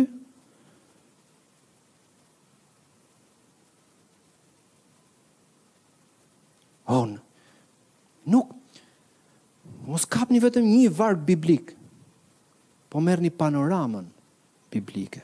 Këto gjëra përputhen në Zotin. Perëndia nuk është xhelat, nuk është diktator. Perëndia është i mirë dhe mirësia e tij zgjat përjetë. Po nëse ne nuk dim shkrimin, turp për ne. Haleluja. Hë, edhe kjo është shumë interesante. Është shkruar te një Thesalonikasit 5, vargu 20, mos i përbuzni profecitë. është shkruar? Amen. është shkruar gjithashtu te një Korintasit 14, 29, që të flasin dy apo tre profetë dhe të tjerët të gjykojnë. Ah, Unë kam marrë ca profeci të fuqishme në Zotin. Oh, ça është folë për jetën time! A t'i ka gjykuar njeri? Oh, ato janë personale, janë të mijat. Ku e ke gjetë këtë lloj besimi? Ku e ke gjetë? Foli Zoti. Haleluja. Dhe kjo që foli Zoti do të bëhet tani. S'e luan topi. A të ulemi ta bisedojmë një herë, ta shqyrtojmë këtë çështje me tre katër burra dhe gra të mençura në kishë që e dinë fjalën e Zotit se si qëndron kjo punë? Nuk po themi ndonjë gjë se ti more një profeci edhe të të përbuzim tani apo të të themi jo. Po prit. Vetë Bibla thotë Mos i përbuzni profecitë, nga ana tjetër, thotë, të flasin dy apo tre profetë dhe të tjerët të gjykojnë. T'ju tregoj një lajm sekret? Nuk zemërohet Zoti nëse ia gjykon profecitë. Nuk mërzitet Zoti nëse ia gjykon fjalën që e ka thënë përmes dikujt tjetër. Nuk mërzitet, përkundrazi e ka për nderim. Se thotë, Biri im ose bija ime nuk po nxitohet, po do vërtet ta dijë nëse është fjala ime apo jo dhe nëse përputhet me Shkrimet e Shenjta. Amen? O, po është shkruar! Po prit more vlla, se është shkruar gjithashtu. Um, si do ndiheshe ti, Të merrje një fjalë nga Zoti përmes meje dhe të vija unë pas një viti dhe të të thoja që, Dëgjo, kam folur në mish. Nuk kam dëgjuar vërtet nga Zoti. Dhe ti ke një vit që po beson fjalën që unë të kam thënë. Nuk do të vinte mirë apo jo? Okej? Do më Ë? Po Bibla thotë bëjeni këtë. Po ata janë profetë. Ai është drejtor i shkollës biblike në Gjermani. Dhe erdhi profetizoi mbi jetën time. Amen, mos ia përbuz profecinë. Merre, fute ke xhepi, ik te shtëpia hap Biblën. Të nesërmen merr një vlla në kafe. Ose një motër që është e rritur në fjalën e Zotit. Diskutoje këtë gjë, nuk mërzitet Zoti. Nuk mërzitet dhe ofendohet fryma e Zotit, nëse ju gjykoni profecitë. Është më e rrezikshme të besosh tralala dhe të besosh në ajër. Dhe janë ca njerëz vetëm kaq dinë të thonë, kur është puna që më foli Zoti, kur i thuj si dhe pse, dhe nuk dinë të mbështeten asgjëkundi tjetër, vetëm se thonë më foli Zoti. Kur është puna që i thua ë uh, m'u duk se e mora një fjalë nga Zoti apo jo, jo s'jam i bindur, dua të dëgjoj më qartë. Po pse kërkon qiqra në hell kur është kaq e qartë? Dua të dëgjoj, dua një profeci. Dua të më flasë Zoti. Janë ca gjëra që s'ka nevojë për aq profeci. A e kuptojmë këtë gjë? Është shkruar kjo, po është shkruar dhe kjo tjetra. Pali po mëson kishën se si të administrojnë shërbesat dhe takimet në të cilat punon fryma e Zotit. Do të thotë që fryma e Zotit nuk u ofendoka nëse punon në kishë, po ndërkohë ne e gjykojmë atë punë me fjalën e Zotit. Amen? Oh, kam marrë profeci, jam duke i besuar Zotit, do të bëhem ky, do të bëhem ai, do të bëhem kështu, do të bëhem ashtu, profecia do të përmbushet, ajo që Zoti ka folur nuk mund të bjerë poshtë, Zoti vigjilon mbi fjalën e tij që ajo të ketë efekt, ashtu si bora dhe shiu nuk kthehen bosh pa i dhënë Zotit Atë për të cilën i ka dërguar, ashtu dhe profecia që Ai ka dhënë për mua, nuk do kthehet pa e bërë atë gjë që, o vëlla, o motër, nëse Zoti të ka folur një gjë, nuk është se vetëm me anë të profecisë ajo do përmbushet. Njëherë në radhë të parë sillu si besimtar. Ndërto karakter besimtari, Njihe Perëndinë, qëndroji afër Perëndisë, bindju zërit të Perëndisë, bindju fjalës së Perëndisë. Dhe pastaj ajo që Zoti ka folur do të bëhet. Ti do të jesh ai shërbyesi i madh, ajo shërbyesja e madhe, ai biznesmeni i madh, ajo biznesmenja e madhe, apo ky apo ai ça Zoti ka folur, po nuk supozon se vetëm me anë të profecisë. Tring, shkopi magjik. Po këto vargjet e tjera që thotë i pabesi nuk ka paqe për të pabesin. O, nuk mund të jesh i pabesë dhe të pretendosh se do të përmbushet profecia. Se janë shkruar dhe këto gjërat e tjera. Hm? Është shkruar që Perëndia e vajosi Saulin mbret apo jo? Është shkruar që Perëndia në mënyrë supernatyrore pati konfirmim pas konfirmimi pas konfirmimi që ky do të jetë mbreti i Izraelit. Ë? Me anë të profetit vetë Samuelit. Po, dhe Sauli me mosbindjen e tij i çoi në kosh të plehrave gjitha profecitë.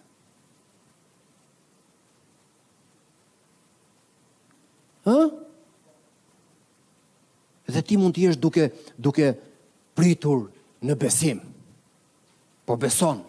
Po besojmë. Çfarë po besojmë? Do Zoti ka një shërbesë për mua që o oh, bir nëne kur të hyj unë në atë shërbesë do të shkunden themelet e, e botës.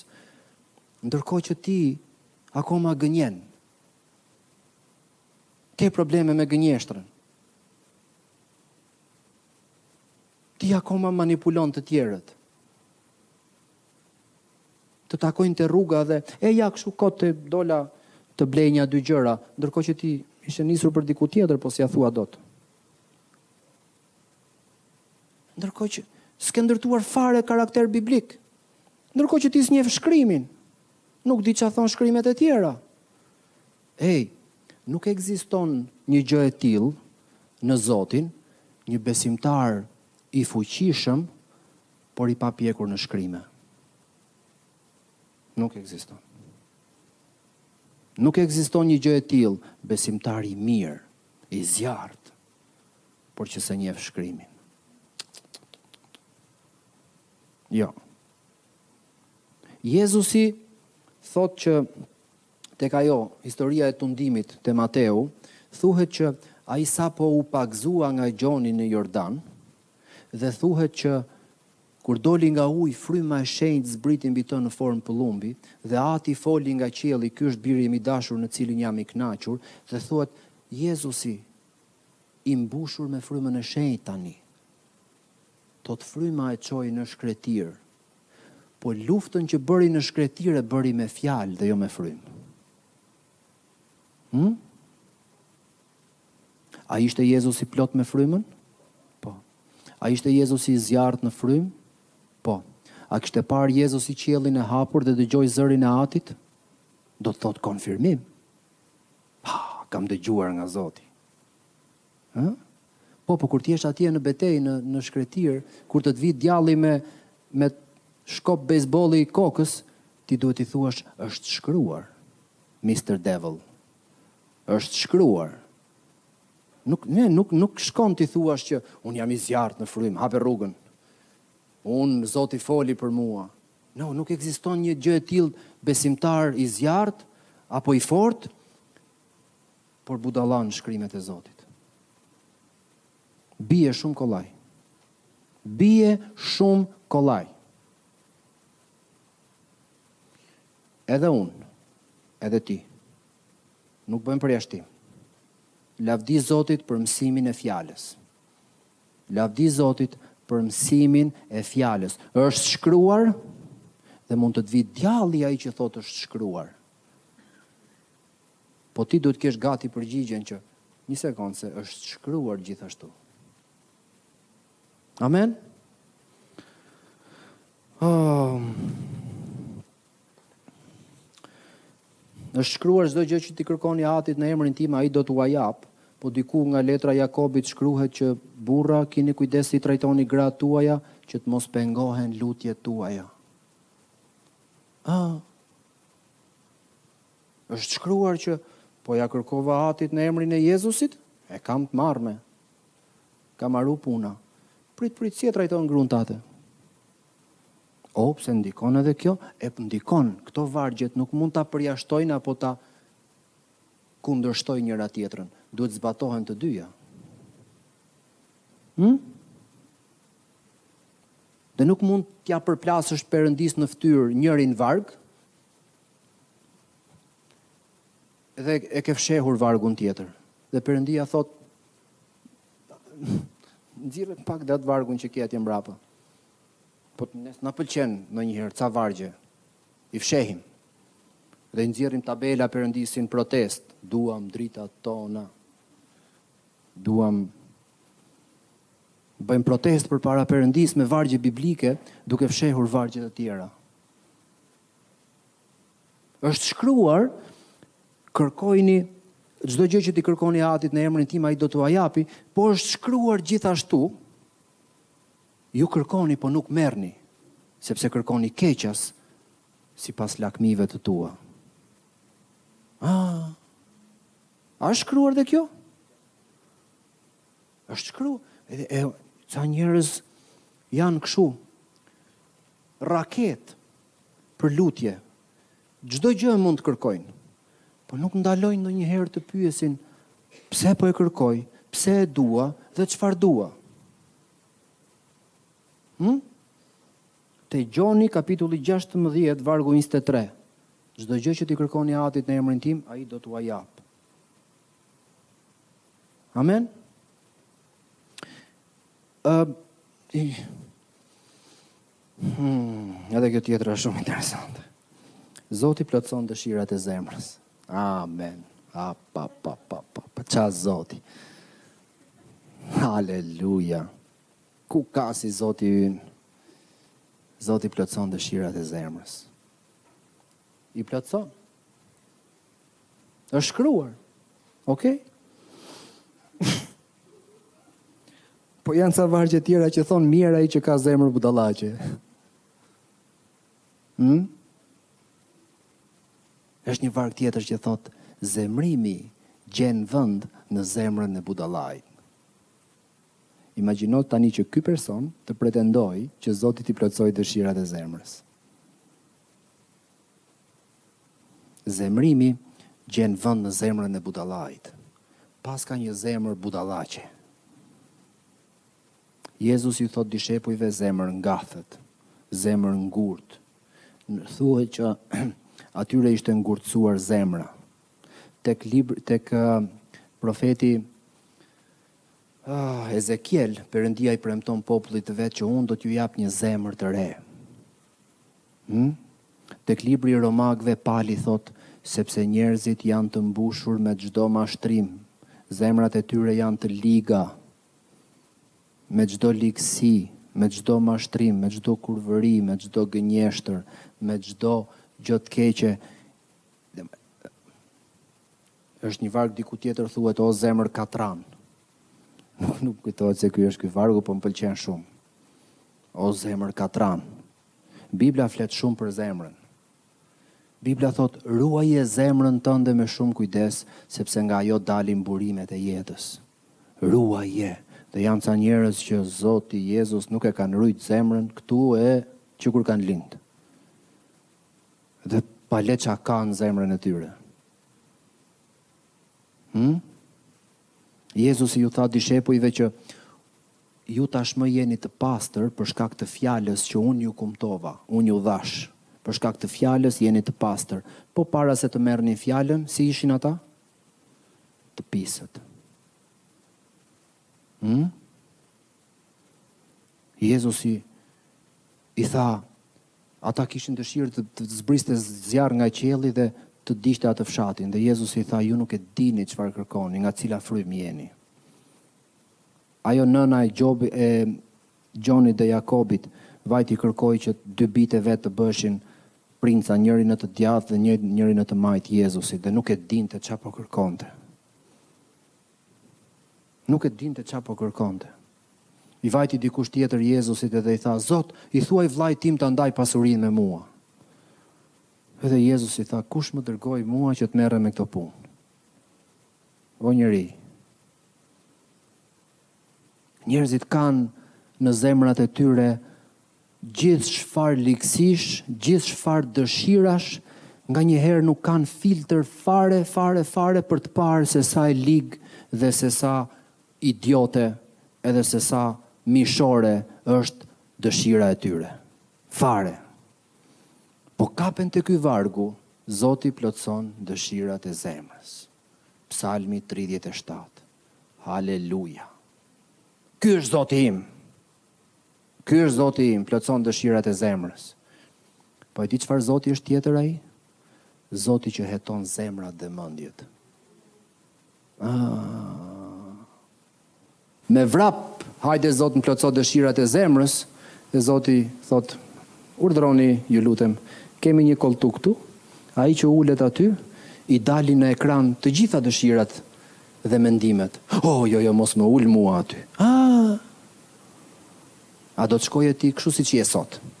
Të uleshe në kolltukun e Zotit, ku menjëherë të shfaqen në ekran të gjitha dëshirat e tua? Apo do kishte ca dëshira për të cilat do të vinte turp? Do të vinte marre? E shikon sa e lehtë është të dalësh në mashtrim, të mashtrosh veten. Zoti plotëson dëshirat e zemrës. Ça dëshirash? Të zemrës bre.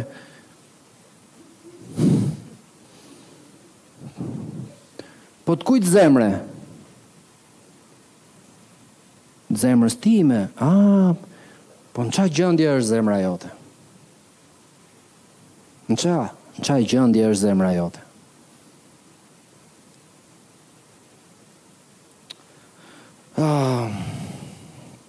Zoti plotëson dëshirat e zemrës, ë? Është shkruar që Jezusi erdhi që të kemi jetë dhe ta kemi me bollëk. Amen. Është shkruar që Jezusi erdhi që të kemi jetë dhe ta kemi me bollëk dhe këto janë fjalët e Jezusit. Dhe nuk i heqim dot, nuk i anullojmë dot, është e thënë, është po dhe amen. Ai erdhi që ne të kemi jetë dhe ta kemi me bollëk, por është shkruar gjithashtu që kush nuk e le jetën e tij për mua, do ta humbasi. Por ata që e lenë për Ungjillin dhe për shkakun tim, do ta gjejnë përsëri. Dhe nuk shkon të marrim vetëm njërin varg edhe të harrojmë këtë anën tjetër. Amen? Tani, ky është një studim biblik që nuk i del fundi ndonjëherë, dhe ju mund ta vazhdoni në shtëpitë tuaja çdo ditë, çdo muaj e vit pas viti, duke parë se çfarë është shkruar nga kjo ana këtej dhe duke krahasuar frymërisht gjërat frymërore se çfarë është shkruar dhe nga ana tjetër. Dhe në këtë mënyrë do të jeni të mbrojtur në Zotin. dhe nuk do të shkoni me kërkesa idiote budallaqe me besim idiot dhe budalla përpara perëndisë dhe duke ecur përpara perëndisë me sy mbyllur në errësirë në tym po do të jeni të themeluar në besimin e vërtetë. Sepse dini që është shkruar kjo, po është shkruar dhe kjo tjetra. Dhe do të shkoni tek Zoti për t'i kërkuar Atij, më ndrysho zemrën, Zot. Psalmi pesëdhjetë e pesë, Davidi thotë, Perëndi, krijo tek unë një zemër të pastër. Krijo tek unë një frymë të patundur. Davidi kërkon Zotit të merret me zemrën e tij fillimisht. Leri dëshirat. Amen.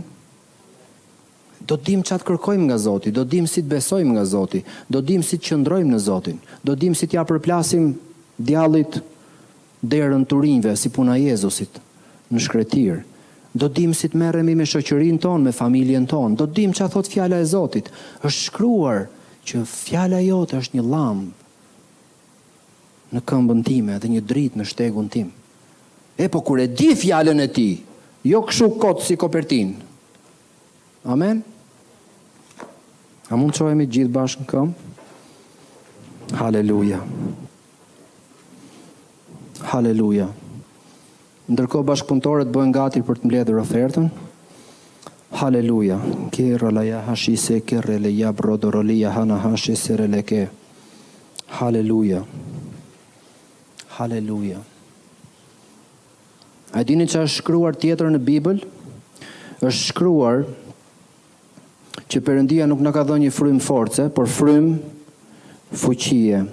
Në, nuk na ka dhënë një frymë frike, por na ka dhënë frymë fuqie, urtësie dhe një mendje të shëndoshë. Besimtarët nuk supozohet të jenë të zjarrtë në frymë, por budallenj nga mendja. Me vrap! Hajde Zot më plotëso dëshirat e zemrës! E Zoti thotë, Urdhëroni, ju lutem, kemi një kolltuk këtu, ai që ulet aty, i dalin në ekran të gjitha dëshirat dhe mendimet. Oh, jo, jo, mos më ul mua aty. Aa! A do të shkoje ti kështu siç je sot? Të uleshe në kolltukun e Zotit, ku menjëherë të shfaqen në ekran të gjitha dëshirat e tua? Apo do kishte ca dëshira për të cilat do të vinte turp? Do të vinte marre? E shikon sa e lehtë është të dalësh në mashtrim, të mashtrosh veten. Zoti plotëson dëshirat e zemrës. Çfarë dëshirash? Të zemrës bre.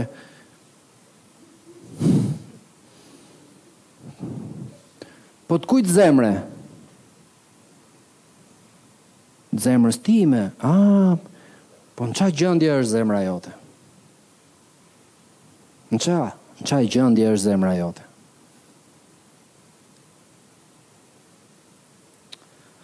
A, Zoti plotëson dëshirat e zemrës, e? Është shkruar që Jezusi erdhi që të kemi jetë dhe ta kemi me bollëk. Amen. Është shkruar që Jezusi erdhi që të kemi jetë dhe ta kemi me bollëk dhe këto janë fjalët e Jezusit. Dhe nuk i heqim dot, nuk i anullojmë dot, është e thënë, është po dhe amen. Ai erdhi që ne të kemi jetë dhe ta kemi me bollëk, por është shkruar gjithashtu që kush nuk e le jetën e tij për mua, do ta humbasi. Por ata që e lenë për ungjillin dhe për shkakun tim, do ta gjejnë përsëri. Dhe nuk shkon të marrim vetëm njërin varg edhe të harrojmë këtë anën tjetër. Amen? Tani, ky është një studim biblik që nuk i del fundi ndonjëherë, dhe ju mund ta vazhdoni në shtëpitë tuaja çdo ditë, çdo muaj e vit pas viti, duke parë se çfarë është shkruar nga kjo ana këtej dhe duke krahasuar frymërisht gjërat frymërore se çfarë është shkruar dhe nga ana tjetër. Dhe në këtë mënyrë do të jeni të mbrojtur në Zotin. Dhe nuk do të shkoni me kërkesa idiote, budallaqe, me besim idiot dhe budalla, përpara Perëndisë, dhe duke ecur përpara Perëndisë me sy mbyllur në errësirë, në tym, po do të jeni të themeluar në besimin e vërtetë, sepse e dini që është shkruar kjo, po është shkruar dhe kjo tjetra. Dhe do të shkoni tek Zoti për t'i kërkuar Atij, M'ndrysho zemrën, Zot. Psalmi pesëdhjetë e pesë, Davidi thotë, Perëndi, krijo tek unë një zemër të pastër, krijo tek unë një frymë të patundur. Davidi i kërkon Zotit të merret me zemrën e tij fillimisht. Leri dëshirat. Amen? Do të dimë ça të kërkojmë nga Zoti, do të dimë si të besojmë nga Zoti, do të dimë si të qëndrojmë në Zotin, do të dimë si t'ia përplasim djallit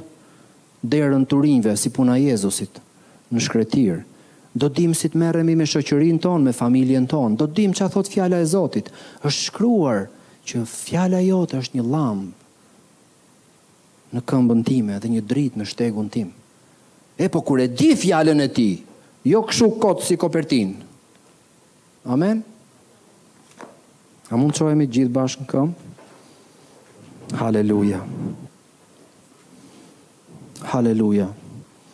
Ndërkohë bashkëpunëtorët bëhen gati për të mbledhur ofertën. Haleluja.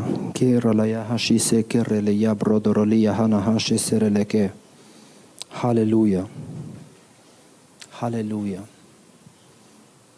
A dini ça është shkruar tjetër në Bibël?